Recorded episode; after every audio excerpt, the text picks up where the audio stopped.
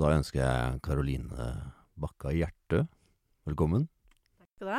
Jeg fant ut at jeg skulle lage en uh, podkast om klima først, Mm. så var det fordi at jeg var på seiltur sammen med noe som heter In the Same Boat Mm. i uh, Risør. Jeg har aldri vært noe klima Aldri tenkt på klima, egentlig. Jeg skal være så ærlig at det kan være til tider jeg har kasta ting ut av vinduene og kjørt bil uten å ha tenkt over det. Og jeg har i alle fall ikke resirkulert. Så når jeg ble invitert til Risør, så tenkte jeg å, det blir jo hyggelig å skal ut på en seiltur på vannet, og fint vær var det. Og så skulle vi ha ut sånn der oppsamler i ca. et kvarter. Og når eh, vi hadde hatt dem ute et kvarter, så tok vi det under mikroskop. Og det jeg opplevde da, det prega meg for resten av tida, og derfor sitter jeg her i dag. For det jeg da så, at alt det vi hadde samla på kvarter, var masse mikroplast. Da kan man se reker i mikroskop, og alt var fint fullt av plast. Da fikk jeg litt sjokk, for jeg har alltid tenkt på plast, det er noe jeg ser. Og da tenkte jeg, hva er det jeg kan gjøre? For jeg tenker, jeg ledde allerede en annen podkast. Som jeg starta fordi jeg sleit med angst i 2011. Så tenkte jeg, når jeg finner en løsning på angst, så skal jeg i alle fall hjelpe flest mulig mennesker med å finne en løsning. Og nå føler jeg at når jeg har gjort, gjort det i tre år, så nå er det på tide å skifte over til noe annet. Og da var det miljø. Og da tenkte jeg for å, for å gjøre noe sånt, så må jeg ha med en samarbeidspartner. Og da fant jeg tilfeldigvis eh, deg og Sparebanken Østlandet. Og først så tenkte jeg klima, så sier de men eh, bærekraft, det er så mye mer. Så tenkte jeg, ja. Og derfor hadde jeg lyst til at vi skulle starte med første episode med deg, Karoline. Ja. Du har lært meg utrolig mye om hva bærekraft egentlig er. Og det er så veldig mye mer enn miljø. Ja. For du sier det handler om korrupsjon, og det er menneskerettigheter. Og det, det handler egentlig om hvordan kan vi få menneskene og kloden til å fungere bærekraftig over eh, de neste generasjonene. Ja. Det er det det egentlig handler om. Ja. Så før vi starter på alt nitty-gritty om bærekraft, så hva leda til at du starta med bærekraft, da? Hvorfor har det blitt eh, ditt uh, fulle engasjement? Jeg heller hadde på en måte ikke bærekraft som eh, hovedoverskrift. Det var liksom ikke så vanlig det på når mitt engasjement starta på 90-tallet, må man vel uh, si. Tidlig ute, da. Ja, og da var det jo Det var jo miljø. Det var jo miljøutfordringen, ikke sant. Eh, Og så var det ulikhet. Jeg var, i en, var på en reise i eh, Zambia da jeg var eh, tolv, med min eh, mor og en del av hennes venner som jobba innenfor bistand. Det var jo liksom rundt Live Aid og sånne type ting. ikke sant? Jeg skulle ned og se på barn, fattige barn med eh, kulemager og fly rundt øynene. Og så kom jeg ned til liksom fantastiske samfunn, mennesker, kulturer. Altså, jeg ble helt jeg ble helt eh, blown away, liksom, av eh, hele Av eh, alt det de kunne tilby meg. ikke sant? Og så tenkte jeg bare herregud Jeg fikk sånn erkjennelse da jeg var tolv. Så tenkte jeg sånn Det er ikke de som trenger uhjelp, det er vi som trenger i-hjelp. altså, vi trenger så mye eh, Vi kan lære så mye av dem. Hvordan de forholder seg til livet, hvordan de forholder seg til døden. Hvordan de forholder seg til hverandre. Masse ting. Og komme hjem på en måte med en sånn kompleks erkjennelse av utvikling. Da. Hva er utvikling? Er det bare å ha mer og mer penger? Er det bare å ha, samle mer og mer rikdom? Bruke, forbruke mer og mer? Så starta det liksom litt ut fra det, og så var, ble jeg jo opptatt mer og mer av miljø, sånn som mange ble på den tida. Og det, vi hadde vår egen lille aksjon mot morgenyoghurten for fordi den hadde så mye plast. Ikke sant? Husker jeg når den kom. Det er ganske morsomt å tenke Ja. tilbake til i dag, når jeg liksom tenker at plastproblemet er litt sånn nytt. Og så tenkte jeg liksom at jeg må At jeg har lyst til å Dette har jeg lyst til å jobbe med. Det starta jo først med at du opplevde noe som var det stikk motsatte du kanskje tenkte at det kom til å være. Ja. Hvordan opplevde du det med bærekraft og, det, og den type ting på den tiden? da? Hvordan har det endra seg til nå? Bærekraft som begrep ble definert i 87 av Gro Brundtland-kommisjonen. Verdenskommisjonen for miljø og utvikling. Og da definerte man eh, hun, de, bærekraftig utvikling, som en utvikling som imøtekommer dagens generasjons behov, uten å gå på bekostning eller ødeleggende mulighetene for kommende generasjoner for å dekke sine behov. Og så det var på en måte Da, da definerte de hva bærekraft var. Og da ble jo på en måte en del satt inn under det. Det hadde jo vært masse arbeid mot fattigdomsbekjempelse. Så, Altså eh, innenfor miljø, klima, korrupsjon, alt dette her som, som er i bærekraftsbegrepet før det. Men det ble satt under den paraplyen. Og etter det så er det den paraplyen man eh, bruker. Det er den definisjonen man bruker på bærekraft. Og da er det sånn som du sier, ikke sant. De fleste tenker da, når du sier bærekraft nå, så tenker de fleste på miljø og klima. Det er det. Miljø og klima. Uten tvil. Klima, klima Det var iallfall det jeg tenkte. ja, jeg tror egentlig mest klima. Man tenker liksom, ja, det er klimautfordringen. Men det er også Det er liksom tre bobler, da. Hvis du ser for deg tre bobler. Og den ene er miljø og klima. Det er helt riktig. Også miljø. Også biologisk mangfold, også miljøutfordringen. Eh, men den andre er det sosiale og menneskelige, ikke sant? Som er menneskerettigheter, som er ulikhet, som er arbeidstakerrettigheter, som er um, ja, rettighetene til alle oss mennesker som bor på denne jordkloden, og hvordan vi har det. Det er en kjempeviktig del av bærekraftig utvikling-begrepet. Og den siste boblen er økonomisk bærekraft. Og det er også det at et samfunn må være økonomisk bærekraftig, også for at neste generasjon skal kunne drive ja, samfunnet eller landet eller bedriften eller hva nå enn du vil, på en måte vil se på i et bærekraftig perspektiv. Da. Så det er også med, og det er jo i hvert fall ofte glemt det siste, ikke sant. Og da tegner man liksom disse tre, hvis man kan se det for seg, disse tre boblene over Eller på en måte man tegner dem ved siden av hverandre, og der hvor de tre krysser, der har du bærekraftig utvikling. Der hvor ingen av de går på kompromiss med noen av de andre, på en måte. Hva tenker du at uh, For meg, da.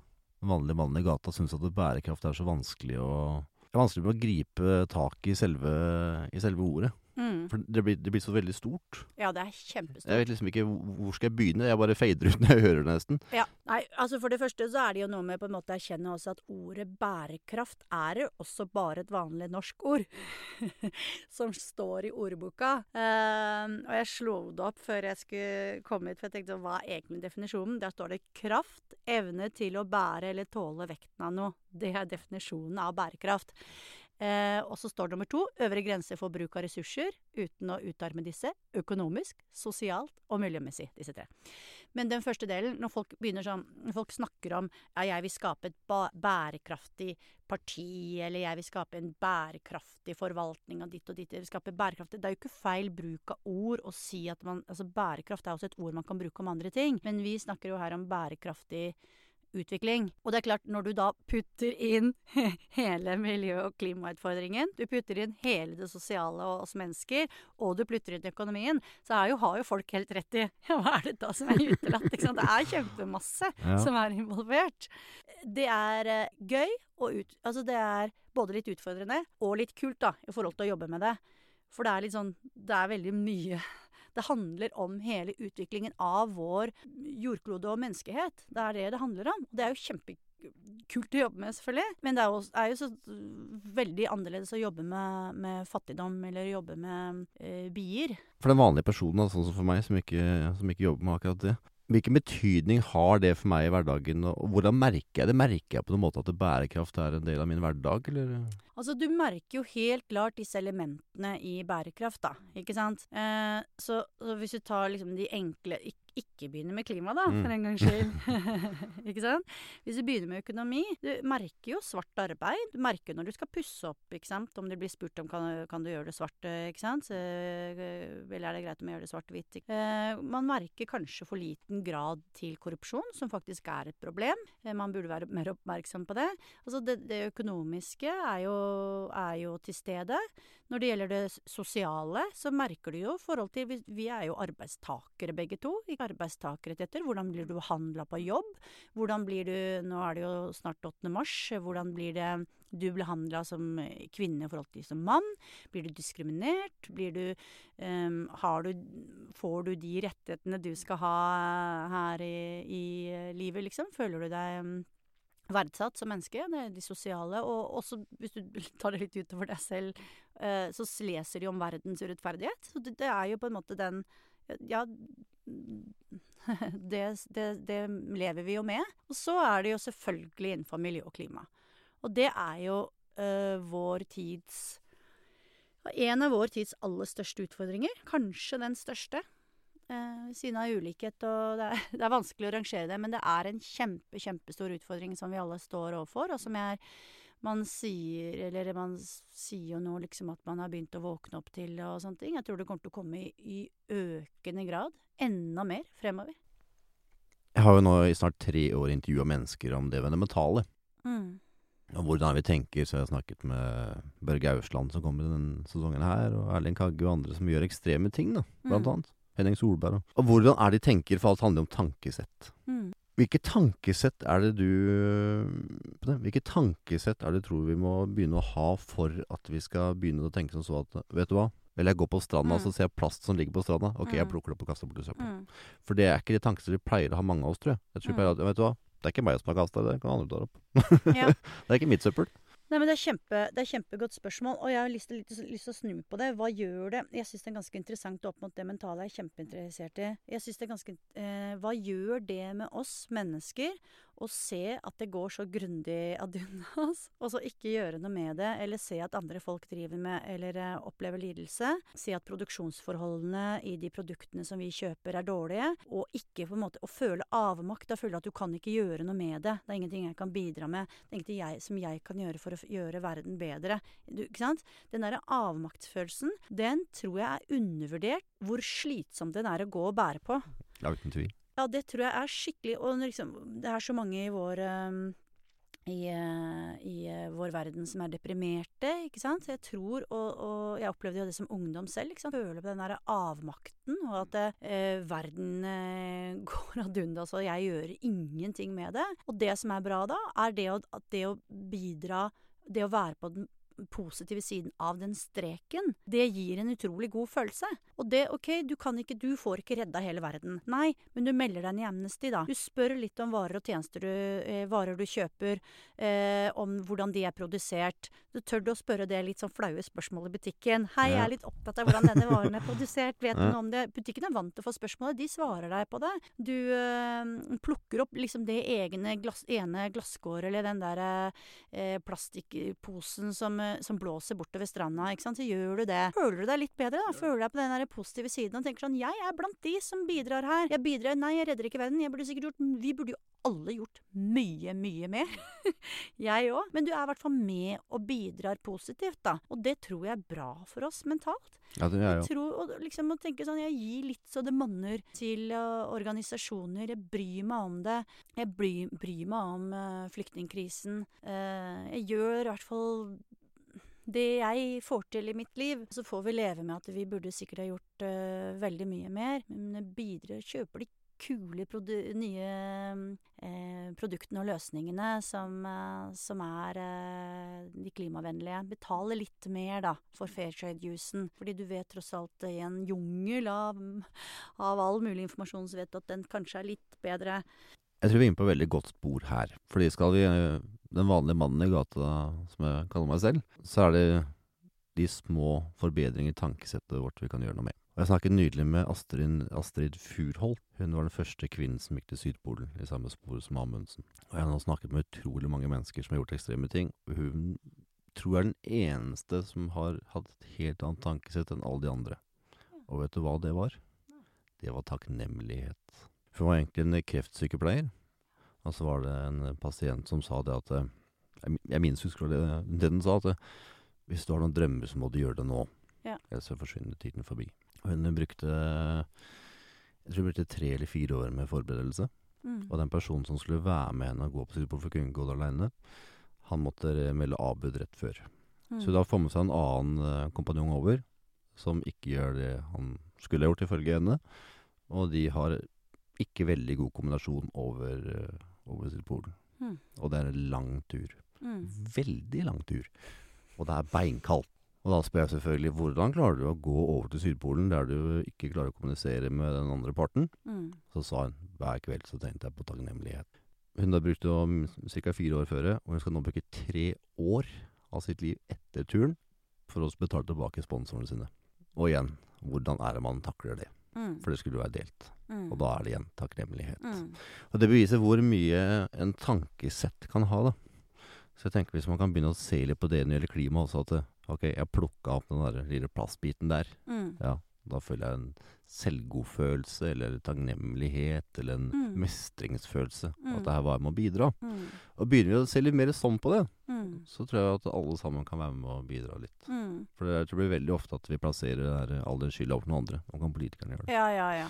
Men tenk med der, du er inne på et utrolig viktig poeng. Vet du, og tenk hvor eh, Tenk hvor takknemlige vi, vi bør være i Norge, som vokser opp altså, i det samfunnet vi vokser opp i, med så liten, tross alt, grad av ulikhet, så stor grad av tillit, tillit eh, så god utdannelse. eh, eller utdanningsmuligheter. Det er masse problemer i Norge, og de, men tross alt så har de flesteparten av oss eh, grunn til å føle veldig, veldig stor grad av takknemlighet. Og jeg tror det fort eh, For min del så hang det liksom Gikk det fort over til skyld i eh, ungdomstida, ikke sant. Hvor jeg følte liksom at jeg hadde fått utrolig mye som var lagt eh, i mitt liv. Og at det var så utrolig mye mange andre mennesker Det er så, det er så mye lidelse i verden, ikke sant. Og det er liksom I forhold til klimaendringene Rike land har stått for to tredjedeler av klimagassutslippene. Og hvem er det som er de som blir hardest ramma igjen, ikke sant? Det er jo ikke Dessverre er det ikke oss, selv om vi opplever mer flom og sånn. Så det der med å legge seg og være takknemlig uten å bli overmanna av skyld. Og så tenke OK, da. Jeg ble født her. Det er ikke min, min, skyld. Jeg lever et kort liv her, og jeg har tenkt å bidra med det positive jeg kan i, i det, den tiden jeg lever på, på jordkloden. Og, og, erkjenne at jeg kunne sikkert ha gjort veldig mye mer. Den er utrolig interessant, den uh, boka til Maja Lunde som heter Blå.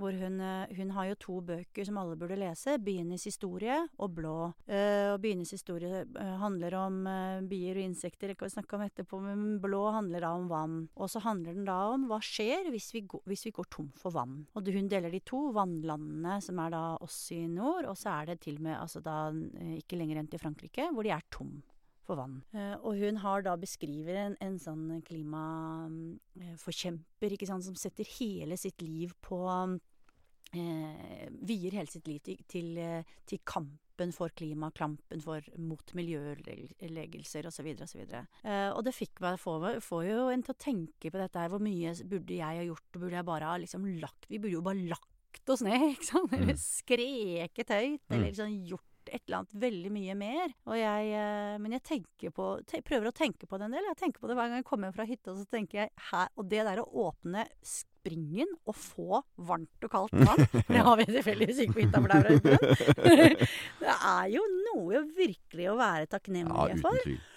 Og, eh, og, man liksom sto, bare tar som en selvfølge at sånn skal det være, og det skal skje i all evighet fremover, og mine barn og barnebarn Selvfølgelig skal det være sånn. Det er ikke en selvfølge at det er sånn. Det er faktisk ikke det for store deler av verdens befolkning. Men det der å liksom kjenne på takknemlighet samtidig som du ikke blir overmanna av skyld. For det gjør jo igjen at du blir litt handlingslamma, tror jeg. At du liksom tenker at ja, men åh gud, ja, men Jeg tror ikke at den derre følelsen av skyld, den tror jeg svært ofte fører til mer negativt enn føler til positivt. Ja. Men det øyeblikket man kan føle skyld og rette opp umiddelbart mm. I det øyeblikket jeg har kasta noe ut av det vinduet, mm. men OK, jeg stopper bilen, så mm. plukker jeg alt det. Eh, da kan jo ha mm. skyld ha sin effekt. Men takknemlighet i seg selv tror jeg er en veldig viktig, en veldig viktig bit. Å se at man kan bidra til noe. Mm. For jeg er veldig enig på at jeg har også følt meg alltid veldig handlingslamma. Jeg husker når jeg så den der eh, videoen til Al Gore første gangen. Da begynner det å bli en del år siden. Først så unnskyldte jeg meg sjøl, eller sa til meg sjøl, vet du dette er bare tull. Ja. For da kom det en eller annen video etterpå som handla om en eller annen ballong. Så det, da hang jeg jo ikke mer opp i det. Mm. og så hørte jeg med klimakvoter, og tenkte det er klimakvotene nå igjen. Jeg mm. gidder ikke høre om det. Jeg synes det bare blir altfor mye. Så plutselig så står jeg der, da. Og ser at alt er fullt av mikroplast. Og når hver enkelt uh, hører nå, så vil jeg ikke at du skal tenke sånn at vet du hva, jeg sorterte ikke, da. Derfor føler jeg at nå har jeg gjort har ikke jeg hjulpet til å bidra, så nå gidder jeg ikke å hjelpe til å bidra heller. Nei. Det er bedre å starte med de små skritt, da. Ja, ja, ja. Det, er, det, er, bare den lille tingen. Og ikke tenk på det at hvis ikke, hvis ikke du er flink til å å være med å resirkulere, så er jeg ikke mye bidrag, bidra, så derfor gir jeg litt opp. Nei, nei, det er bare den lille tingen. Hver eneste Bare snakke om ting, eller dra litt fram, da. Ja, ja, tenker tenker jeg hjelper. Ja, ja. Alle monner drar. Ja, alle monner eh, drar. Det er kjempeviktig. Og det er å bevege seg over på den derre bidra, mm. bidra positivt-siden. Ja, så er det veldig viktig òg. Ja, tenk hvor viktig det er at akkurat du gjør det, da. Hvis du er litt dårlig på det. og vi hadde, hadde så banken, så, så, målte vi våre, vårt klimafotavtrykk i begynnelsen av uh, uka. Og så hadde vi tilt, skulle vi iverksette ett tiltak for å få det ned. Og det, med det tiltaket må vare i hele 2019, da. Og da fikk jeg veldig mange, eller vi fikk veldig mange kule e-poster hvor det var sånn at jeg kan droppe en, eh, faktisk droppe en utenlandsreise. Vi pleier å, å, reise på tur, jeg og mannen min, uh, i oktober, liksom. I år tar vi, tar vi, toget til Stockholm. ikke sant? Og så har hun regna da ut hvor mye hun sparer. ikke sant? Konkurranse er viktig. Vi har 1000 gigatonn restkvote CO2 i atmosfæren som vi kan slippe ut. Så tenker jeg sånn alt som du kan unngå å slippe ut, er jo bra for verdens befolkning. Eh, og så er du bare et enkeltmenneske. Eh, så, men det er hver enkelt kineser altså så vi kan ikke bare si at Kina ordne opp i det. De er også bare enkelt, en enkelt kineser, og så har de noen politikere der, og vi har noen politikere her. Så vi er, å, vi er jo nødt til å begynne med oss eh, selv, for det er her vi er. Og jeg tror, det, jeg tror dette er utrolig viktig for Norge å gjøre noe med. Jeg tror, tror det er utrolig viktig for ungdom å gjøre noe med og føle at man er At man endrer kursen til en bedre kurs. Og den nye kursen, hvor man ikke kjøper og kaster, forbruker varer eh, det gir ikke en god følelse når du har kjøpt en billig Er. Nei, det, når du har kjøpt billig elektronikk, og så går du i og så må du kaste Nei. sånn i fjernstyrt er bil til sønnen din ikke sant? på liksom eh, en kubikkmeter eh, med søppel Altså, det, ikke sant? Det er, det, du, man tenker jo dette her funker jo ikke, liksom. Så det å Men eh, til jul nå så prøver jeg å kjøpe mye mer sånn teateropplevelser. Eh, man kan få sånn eh, behandlinger, ikke sant. Massasje eller andre typer sånne type ting. Tjenester. Eh, og, og være med, være med på sånn naboapper, ikke sant. Hvor du kan låne utstyr av hverandre. Eh, tenk i fremtiden hvor vi har Vi har ikke hver vår bil. Hver, du vet at hver bil står 95% av sin levetid? Mm, ja, helt vilt. Og tenk, tenk i fremtiden hvor vi kjører sammen, hvor du bare bestiller en bil. Jeg skal ha en bil nå utafor, og den skal kjøre meg dit. Og så sitter kanskje noen andre der som er i bilen. Altså, ikke sant? Det er jo Vi må jo tenke på Det høres litt fremmed ut for meg, kjenner jeg, men ja, jeg er med på tanken. Kan ikke sitte og høre på lydboka mi, jeg, da. Vi må tenke liksom på Jeg tror liksom tenke positivt om den fremtiden vi vil inn i. At det er utrolig viktig. Tenk liksom Det er den verden jeg vil ha en by uten søppel, jeg. Det er derfor jeg plukker opp det søppelet. Og så hvis når alle andre Det er innmari mange andre som plukker opp søppel. Det er det. Og så er det noen som ikke gjør det, men det Jeg gjør det i hvert fall. Jeg må ærlig innrømme at eh, når du snakker om eh, Kjøper du svart arbeid eller lignende, så går det utover bærekraft. Ja. Og jeg tror det er svært få av oss som tenker at eh, hvis jeg nå får utført et billig bad, bare tar et eksempel, Ja. så går det utover neste generasjon. Ja, ok. Men det er liksom kanskje det som er sånn utfordringen med bærekraft, at du skal tenke sånn OK, det jeg tenker er sånn Hvis alle gjør som deg Mm. Nå er det eksempel her, altså. Ja, ja, ja. ja hypotetisk Ja, deg. Hvis alle gjør som meg, da. Mm. Hvis alle gjør som dette her. Jeg kaster, min, eh, jeg kaster mitt søppel på gata. Eh, det går jo greit hvis det bare er jeg som gjør det i hele Norge. Men hvis alle gjør som meg, hvordan vil eh, samfunnet være da? Da kan du tenke hvis alle har pusser eh, opp badet sitt svart, eller hvis alle kaster søppelet sitt på gata, eller hvis alle gir blaffen i, i, i miljø- og klimautfordringene, hvordan blir verden da? Og verden er et sum av oss som befolker verden. Det er bare så enkelt. Så det er så utrolig lett da, å peke på alle andre. at Vi trenger ikke å gjøre noe for kineserne. ikke sant? Det, de er jo mange flere enn oss. Så derfor så trenger vi å gjøre noe for, hvis ikke kineserne gjør noe, for vi er så få. Men vi har jo et mye høyere klima Vi har et mye høyere fotavtrykk per person i Norge enn kineserne har. Har vi det? Nei, Ja, det har vi. Nå er jeg spent. Er vi, har vi det? Eh, Ja, og de er jo selvfølgelig mange flere, så de har Men eh, gjennomsnittet i verden på CO2-avtrykk er 4,8 tonn. Hva tror du Norge ligger på? 4,5? 4,5? 8,4. Mm. Og gjør vi det? Eh, Oi. Yes! så der har du nordmenn. Hva er årsaken til det, da? Hva, ja, Vi kjører elbil nesten alle sammen, ja. Vi bor i uh, hver vår enebolig, som vi varmer opp. Vi kjører uh, få uh, En del kjører elbil, Det men er 7 ikke hele. Ja. ikke hele Norges befolkning. Vi har et veldig høyt forbruk. Kjøper masse, masse nye ting. Vi pusser opp eh, altså hele forbruket vårt. Og, og forbruket av Eller mat. Med maten vi spiser. Ja, rødt kjøtt har jo en del eh, lest om i det siste, etter IT-rapporten. Og det er problematiske både i forhold til helse og, og miljøutfordringer i forhold til det. Så det er summen, og det er jo ja, ikke sant, eh, transport og flyreiser, eh, energiforbruket ditt. Um, så det er summen av hvem av hvordan vi lever, og hvordan Norge er som nasjon, da. Så er jo Norge en nasjon også som pumper opp olje, selvfølgelig, og selger det. Så, så sånn, eh, sånn er det. Og, og, kineserne, da? Hva er det de ligger på, da? Syv tonn per person er Kina oppi nå. Så, altså, så det er jo også sant at de er veldig mange. Mm. så de er nødt til å um, iverksette ganske mye tiltak i Kina, og det gjør de òg. Men eh, det Ja, for de ligger vel ganske framoverlent, egentlig, gjør de ikke det? Jo, absolutt. Eh, men dette er kompliserte greier innenfor 100 ulike sektorer og sånne ting.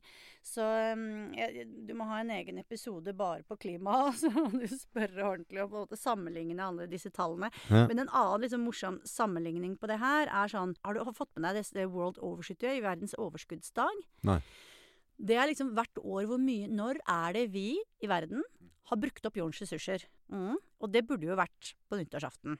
Ikke sant? Hei, brukt opp verdens ressurser. Nå har vi nyttår, nye muligheter. Nå bruker vi neste års ressurser. Ressursene i 2019. I 2019. Den datoen blir flytta dessverre bakover i tid. Så nå gikk vi opp eh, Nå brukte vi opp verdens ressurser 1. august. Og jeg jobber jo i bank, og da er det jo Da jobb, lever vi på kreditt etter det.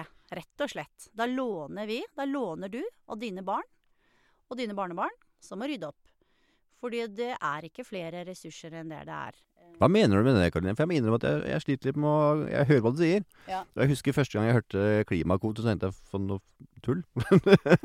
så jeg, jeg, skal ikke, jeg skal ikke være vanskelig. Jeg har bare har litt problemer med å forstå hvordan Jeg kan fortsatt gå i butikken og handle maten min, og jeg kan fortsatt gå og fiske hvis jeg ønsker det, selv om den kanskje er litt full av plast.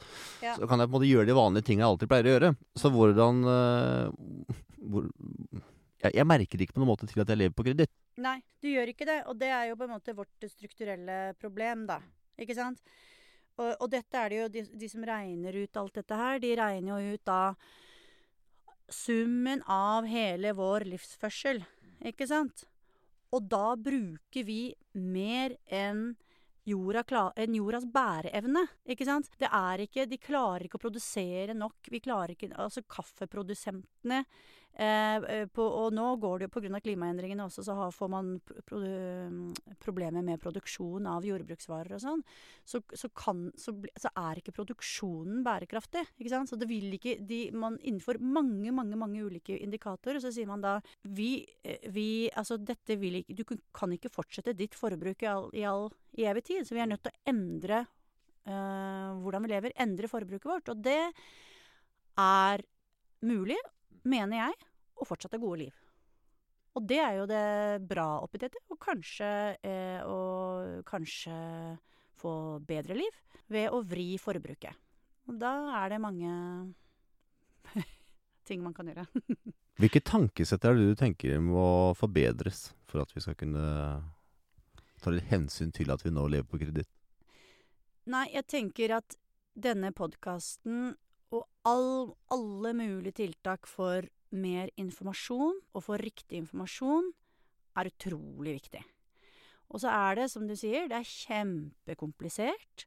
Og CO2 og kvoter og kjøpe kvoter i EU eller ikke, og kvotepliktig sektor ikke, Folk blir jo helt faller av lasset, ikke sant. Så jeg tenker av og til sånn at det er greit. Det, du trenger ikke å være klima, vi trenger ikke å være klimaforskere, du og jeg.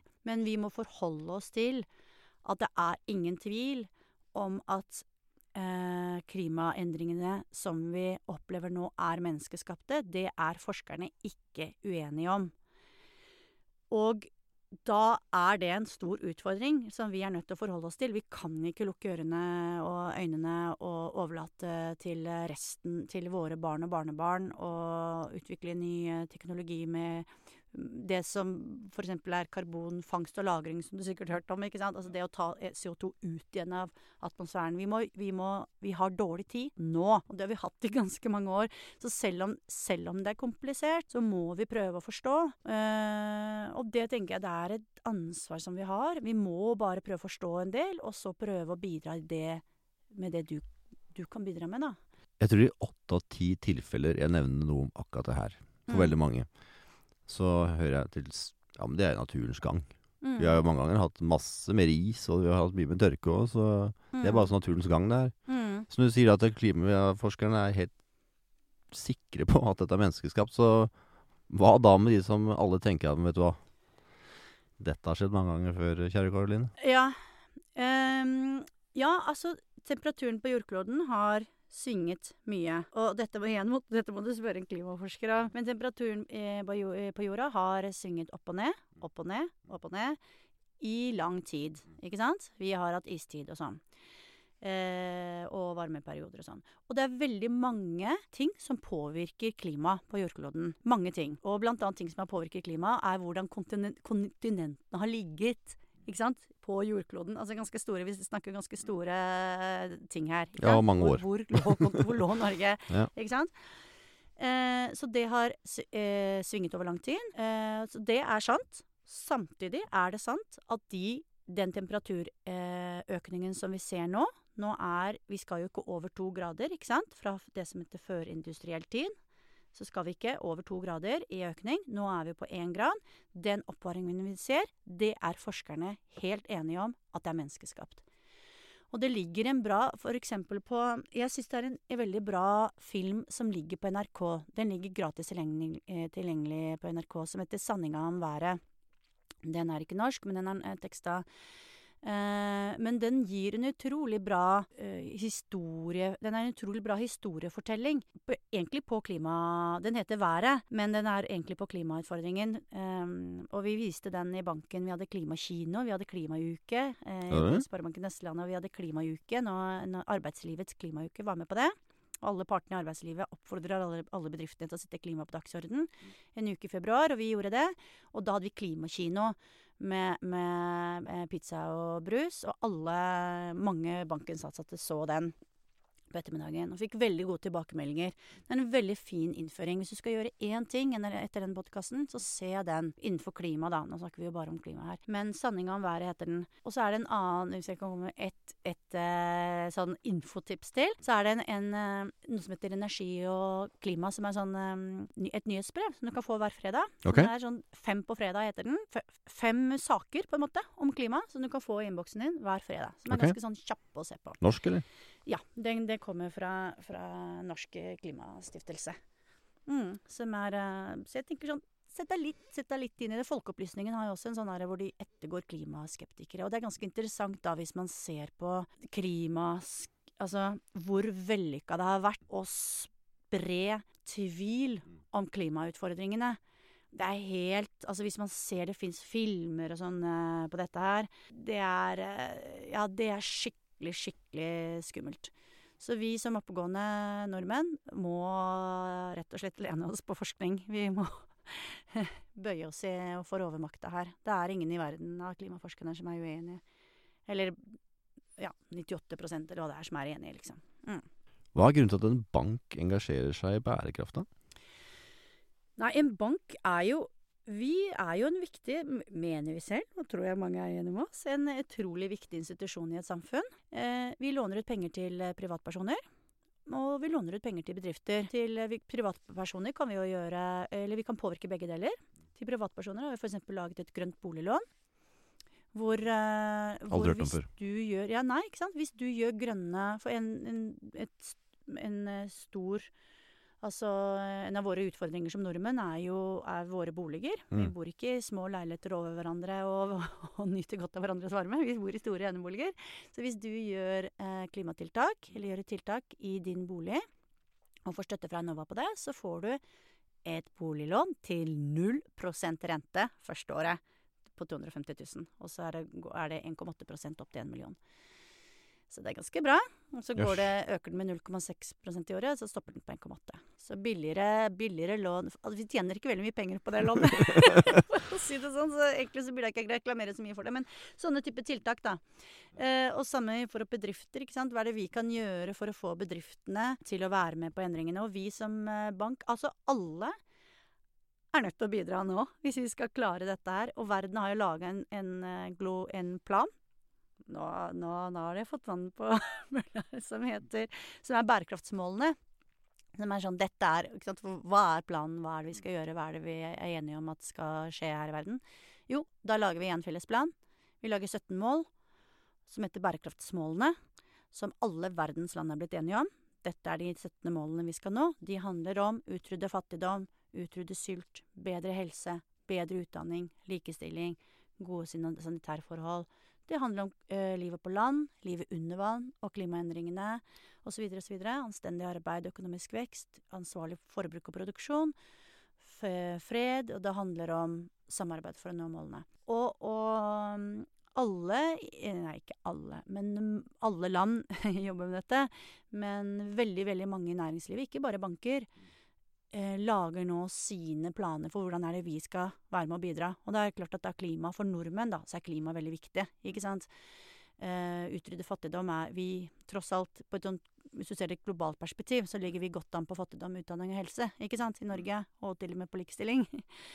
Men eh, Og klima er en utfordring. Eh. Så, så vi er ikke alene om å bidra bidra til dette. Masse, alle, nesten alle de uh, andre norske bankene er også med på dette. Det som slår meg når du snakker om hvordan bank er med på noe med bærekraft, så tenker jeg hvitvasking, eh, tenker jeg da. På hvilken måte er det dere bidrar til å bekjempe hvitvasking, da, hvis dere gjør det?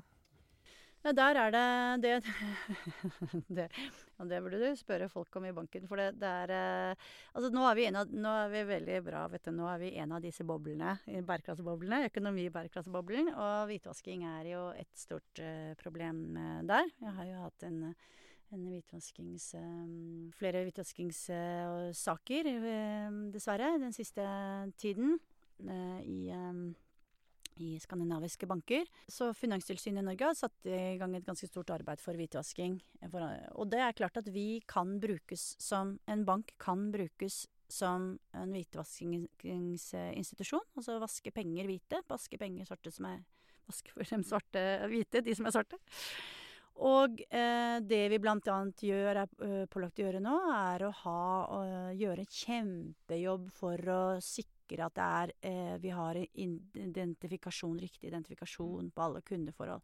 Og så gjør vi masse eh, som ja, risikoreduserende tiltak som heter da, ikke sant. Undersøkelser. Vi, hver gang du etablerer kundeforhold, så må du svare på en del spørsmål, konkrete spørsmål. Skal du sette inn mye kontanter? Skal du flytte kontanter fra Norge til utlandet? Hva skal du bruke kontoen din til? Eh, ja, ikke sant. Sånne type spørsmål. For å Jobber hele tiden for å redusere risiko, for sånne ting skjer. Og det Ja. Dessverre. Du har jo nå jobbet med bærekraft en, en god stund. Mm. Hva er det du legger merke til blant uh, den vanlige mannen du, da? Det, ser du noen forskjell, eller er det akkurat samme, eller er det noen, noen fellestrekk du ser går igjen hos de, eller? Nei, jeg, jeg, jeg, jeg, registrerer jo at ordet bærekraft, selv om det ble på en måte definert i 87, at det er kommet veldig mye de siste åra. Og at uh, noen uh, kaller det liksom et uh, motord som er kommet nå. Og at det knyttes mye til, til klima og, og, miljøet, men særlig klima. Så jeg minner jo liksom alltid om at menneskerettigheter, det sosiale, er også med der. Økonomi er også med der. Når jeg er ute og, og snakker om bærekraft. Men jeg merker jo at vi har Jeg håper jo vi har en befolkning som er i ferd med å våkne opp til den utfordringen vi er overfor, og at man også klarer å, å ta inn over seg alle tre elementene, da. Ikke sant? Og tenker sånn Vi, vi har, må ha et samfunn som vi må ha et, må ha et bra samfunn å overlevere til våre barn og barnebarn. Det er jo det det handler om. ikke sant? Vi må leve på en måte som gjør at vi tenker at våre, de kommende generasjoner kan leve på samme måten. Og korrupsjon, for eksempel, er et kjempestort uh, problem som må bekjempes uh, dag, hver dag. Menneskerettighetsutfordringer, ja. Tror du det er mange som tenker at vet du hva, det her er ikke helt opp til meg, men det er opp til politikerne som bestemmer? Ja, og, men da må man tenke Jeg har jobba litt som, som rådgiver. Du må tenke at hvem er det politikerne bestemmer over, og hva er det de bestemmer på bakgrunn av? Politikere er veldig opptatt av folkeopinionen. Så hvis vi hadde satt oss ned Det var klin før de skulle vedta statsbudsjettet nå, så var det klimaaksjoner foran Stortinget. Vi var ikke kjempemange. Jeg var der uh, Var du der, Karoline? Lite grann. um, Altfor lite. Jeg burde ha satt meg ned, som uh, flere barn og unge gjør nå. Og nå skal det være skolestreik i Norge. Um, uh, skal det være skole... Ja, skal det være skolestreik. Men, men, jeg vet ikke helt hvilken dag. Men jeg har jo barn i skolen, så jeg må finne det ut. Hva, skal det være det? Ja. Det er jo hun Greta fra Sverige som satte seg ned og, og, og nekta å gå på skolen, altså streika. Uh, I Sverige. Ok. Ikke fått med det? Nei. Nei, hun satte seg ned og sa dette her vil jeg ikke være med på. Dette her, det går jo eh, Det går jo til Jeg vet ikke om det er lov å banne, jeg. det går ad undas, Ja. for å si det sånn. Mm. Og jeg gidder ikke å være med på dette her. Mm. Og satt seg ned eh, eh, eh, foran Riksdagen og, i Sverige og nekta å gå på skolen. Og har da blitt eh, løfta opp og vært på diverse internasjonale konferanser og sånne ting etter det. Eh, og snakka til verdenssamfunnet. Og har på en måte starta en global bevegelse med, med streiker, hvor unge streiker. Skjedde i, i Belgia, Nederland, flere andre land. Og er nå kommet også til Norge, hvor ungdommen sier, vet du hva. Vi eh, Dette her er det jo vi som må rydde opp i. Mm. Så dette Ja, de er gjør ikke det. ja. veldig interessert i. Så um, nå må dere nå må dere rydde opp her. Og det er liksom litt tilbake til politikerne, hva de bør gjøre. Ja, men de gjør jo det folket vil at vi skal gjøre. Ikke sant? Vi må jo, da må jo vi eh, vise at vi syns dette er en kjempeviktig sak. Mm. Ikke sant? Og det sier jo folk når de intervjuer dem, så sier de jo at de syns det er en, kjempevik en kjempeviktig sak. Men vi eh, agerer på en måte ikke så veldig mye på det, og, og jeg syns jo også at media dekker det i for liten grad. Det er jo på en måte kanskje liksom, hvis man tilbake til bare klimautfordringen igjen, det er liksom klimautfordringens problem. At den er jo ikke, er, den er jo ikke så akutt. Eller altså, den er akutt, men det er ikke sånn at du kan se Oi, i dag ikke sant? Det, er, det, er, eh, det er forskjell på klima og vær. ikke sant?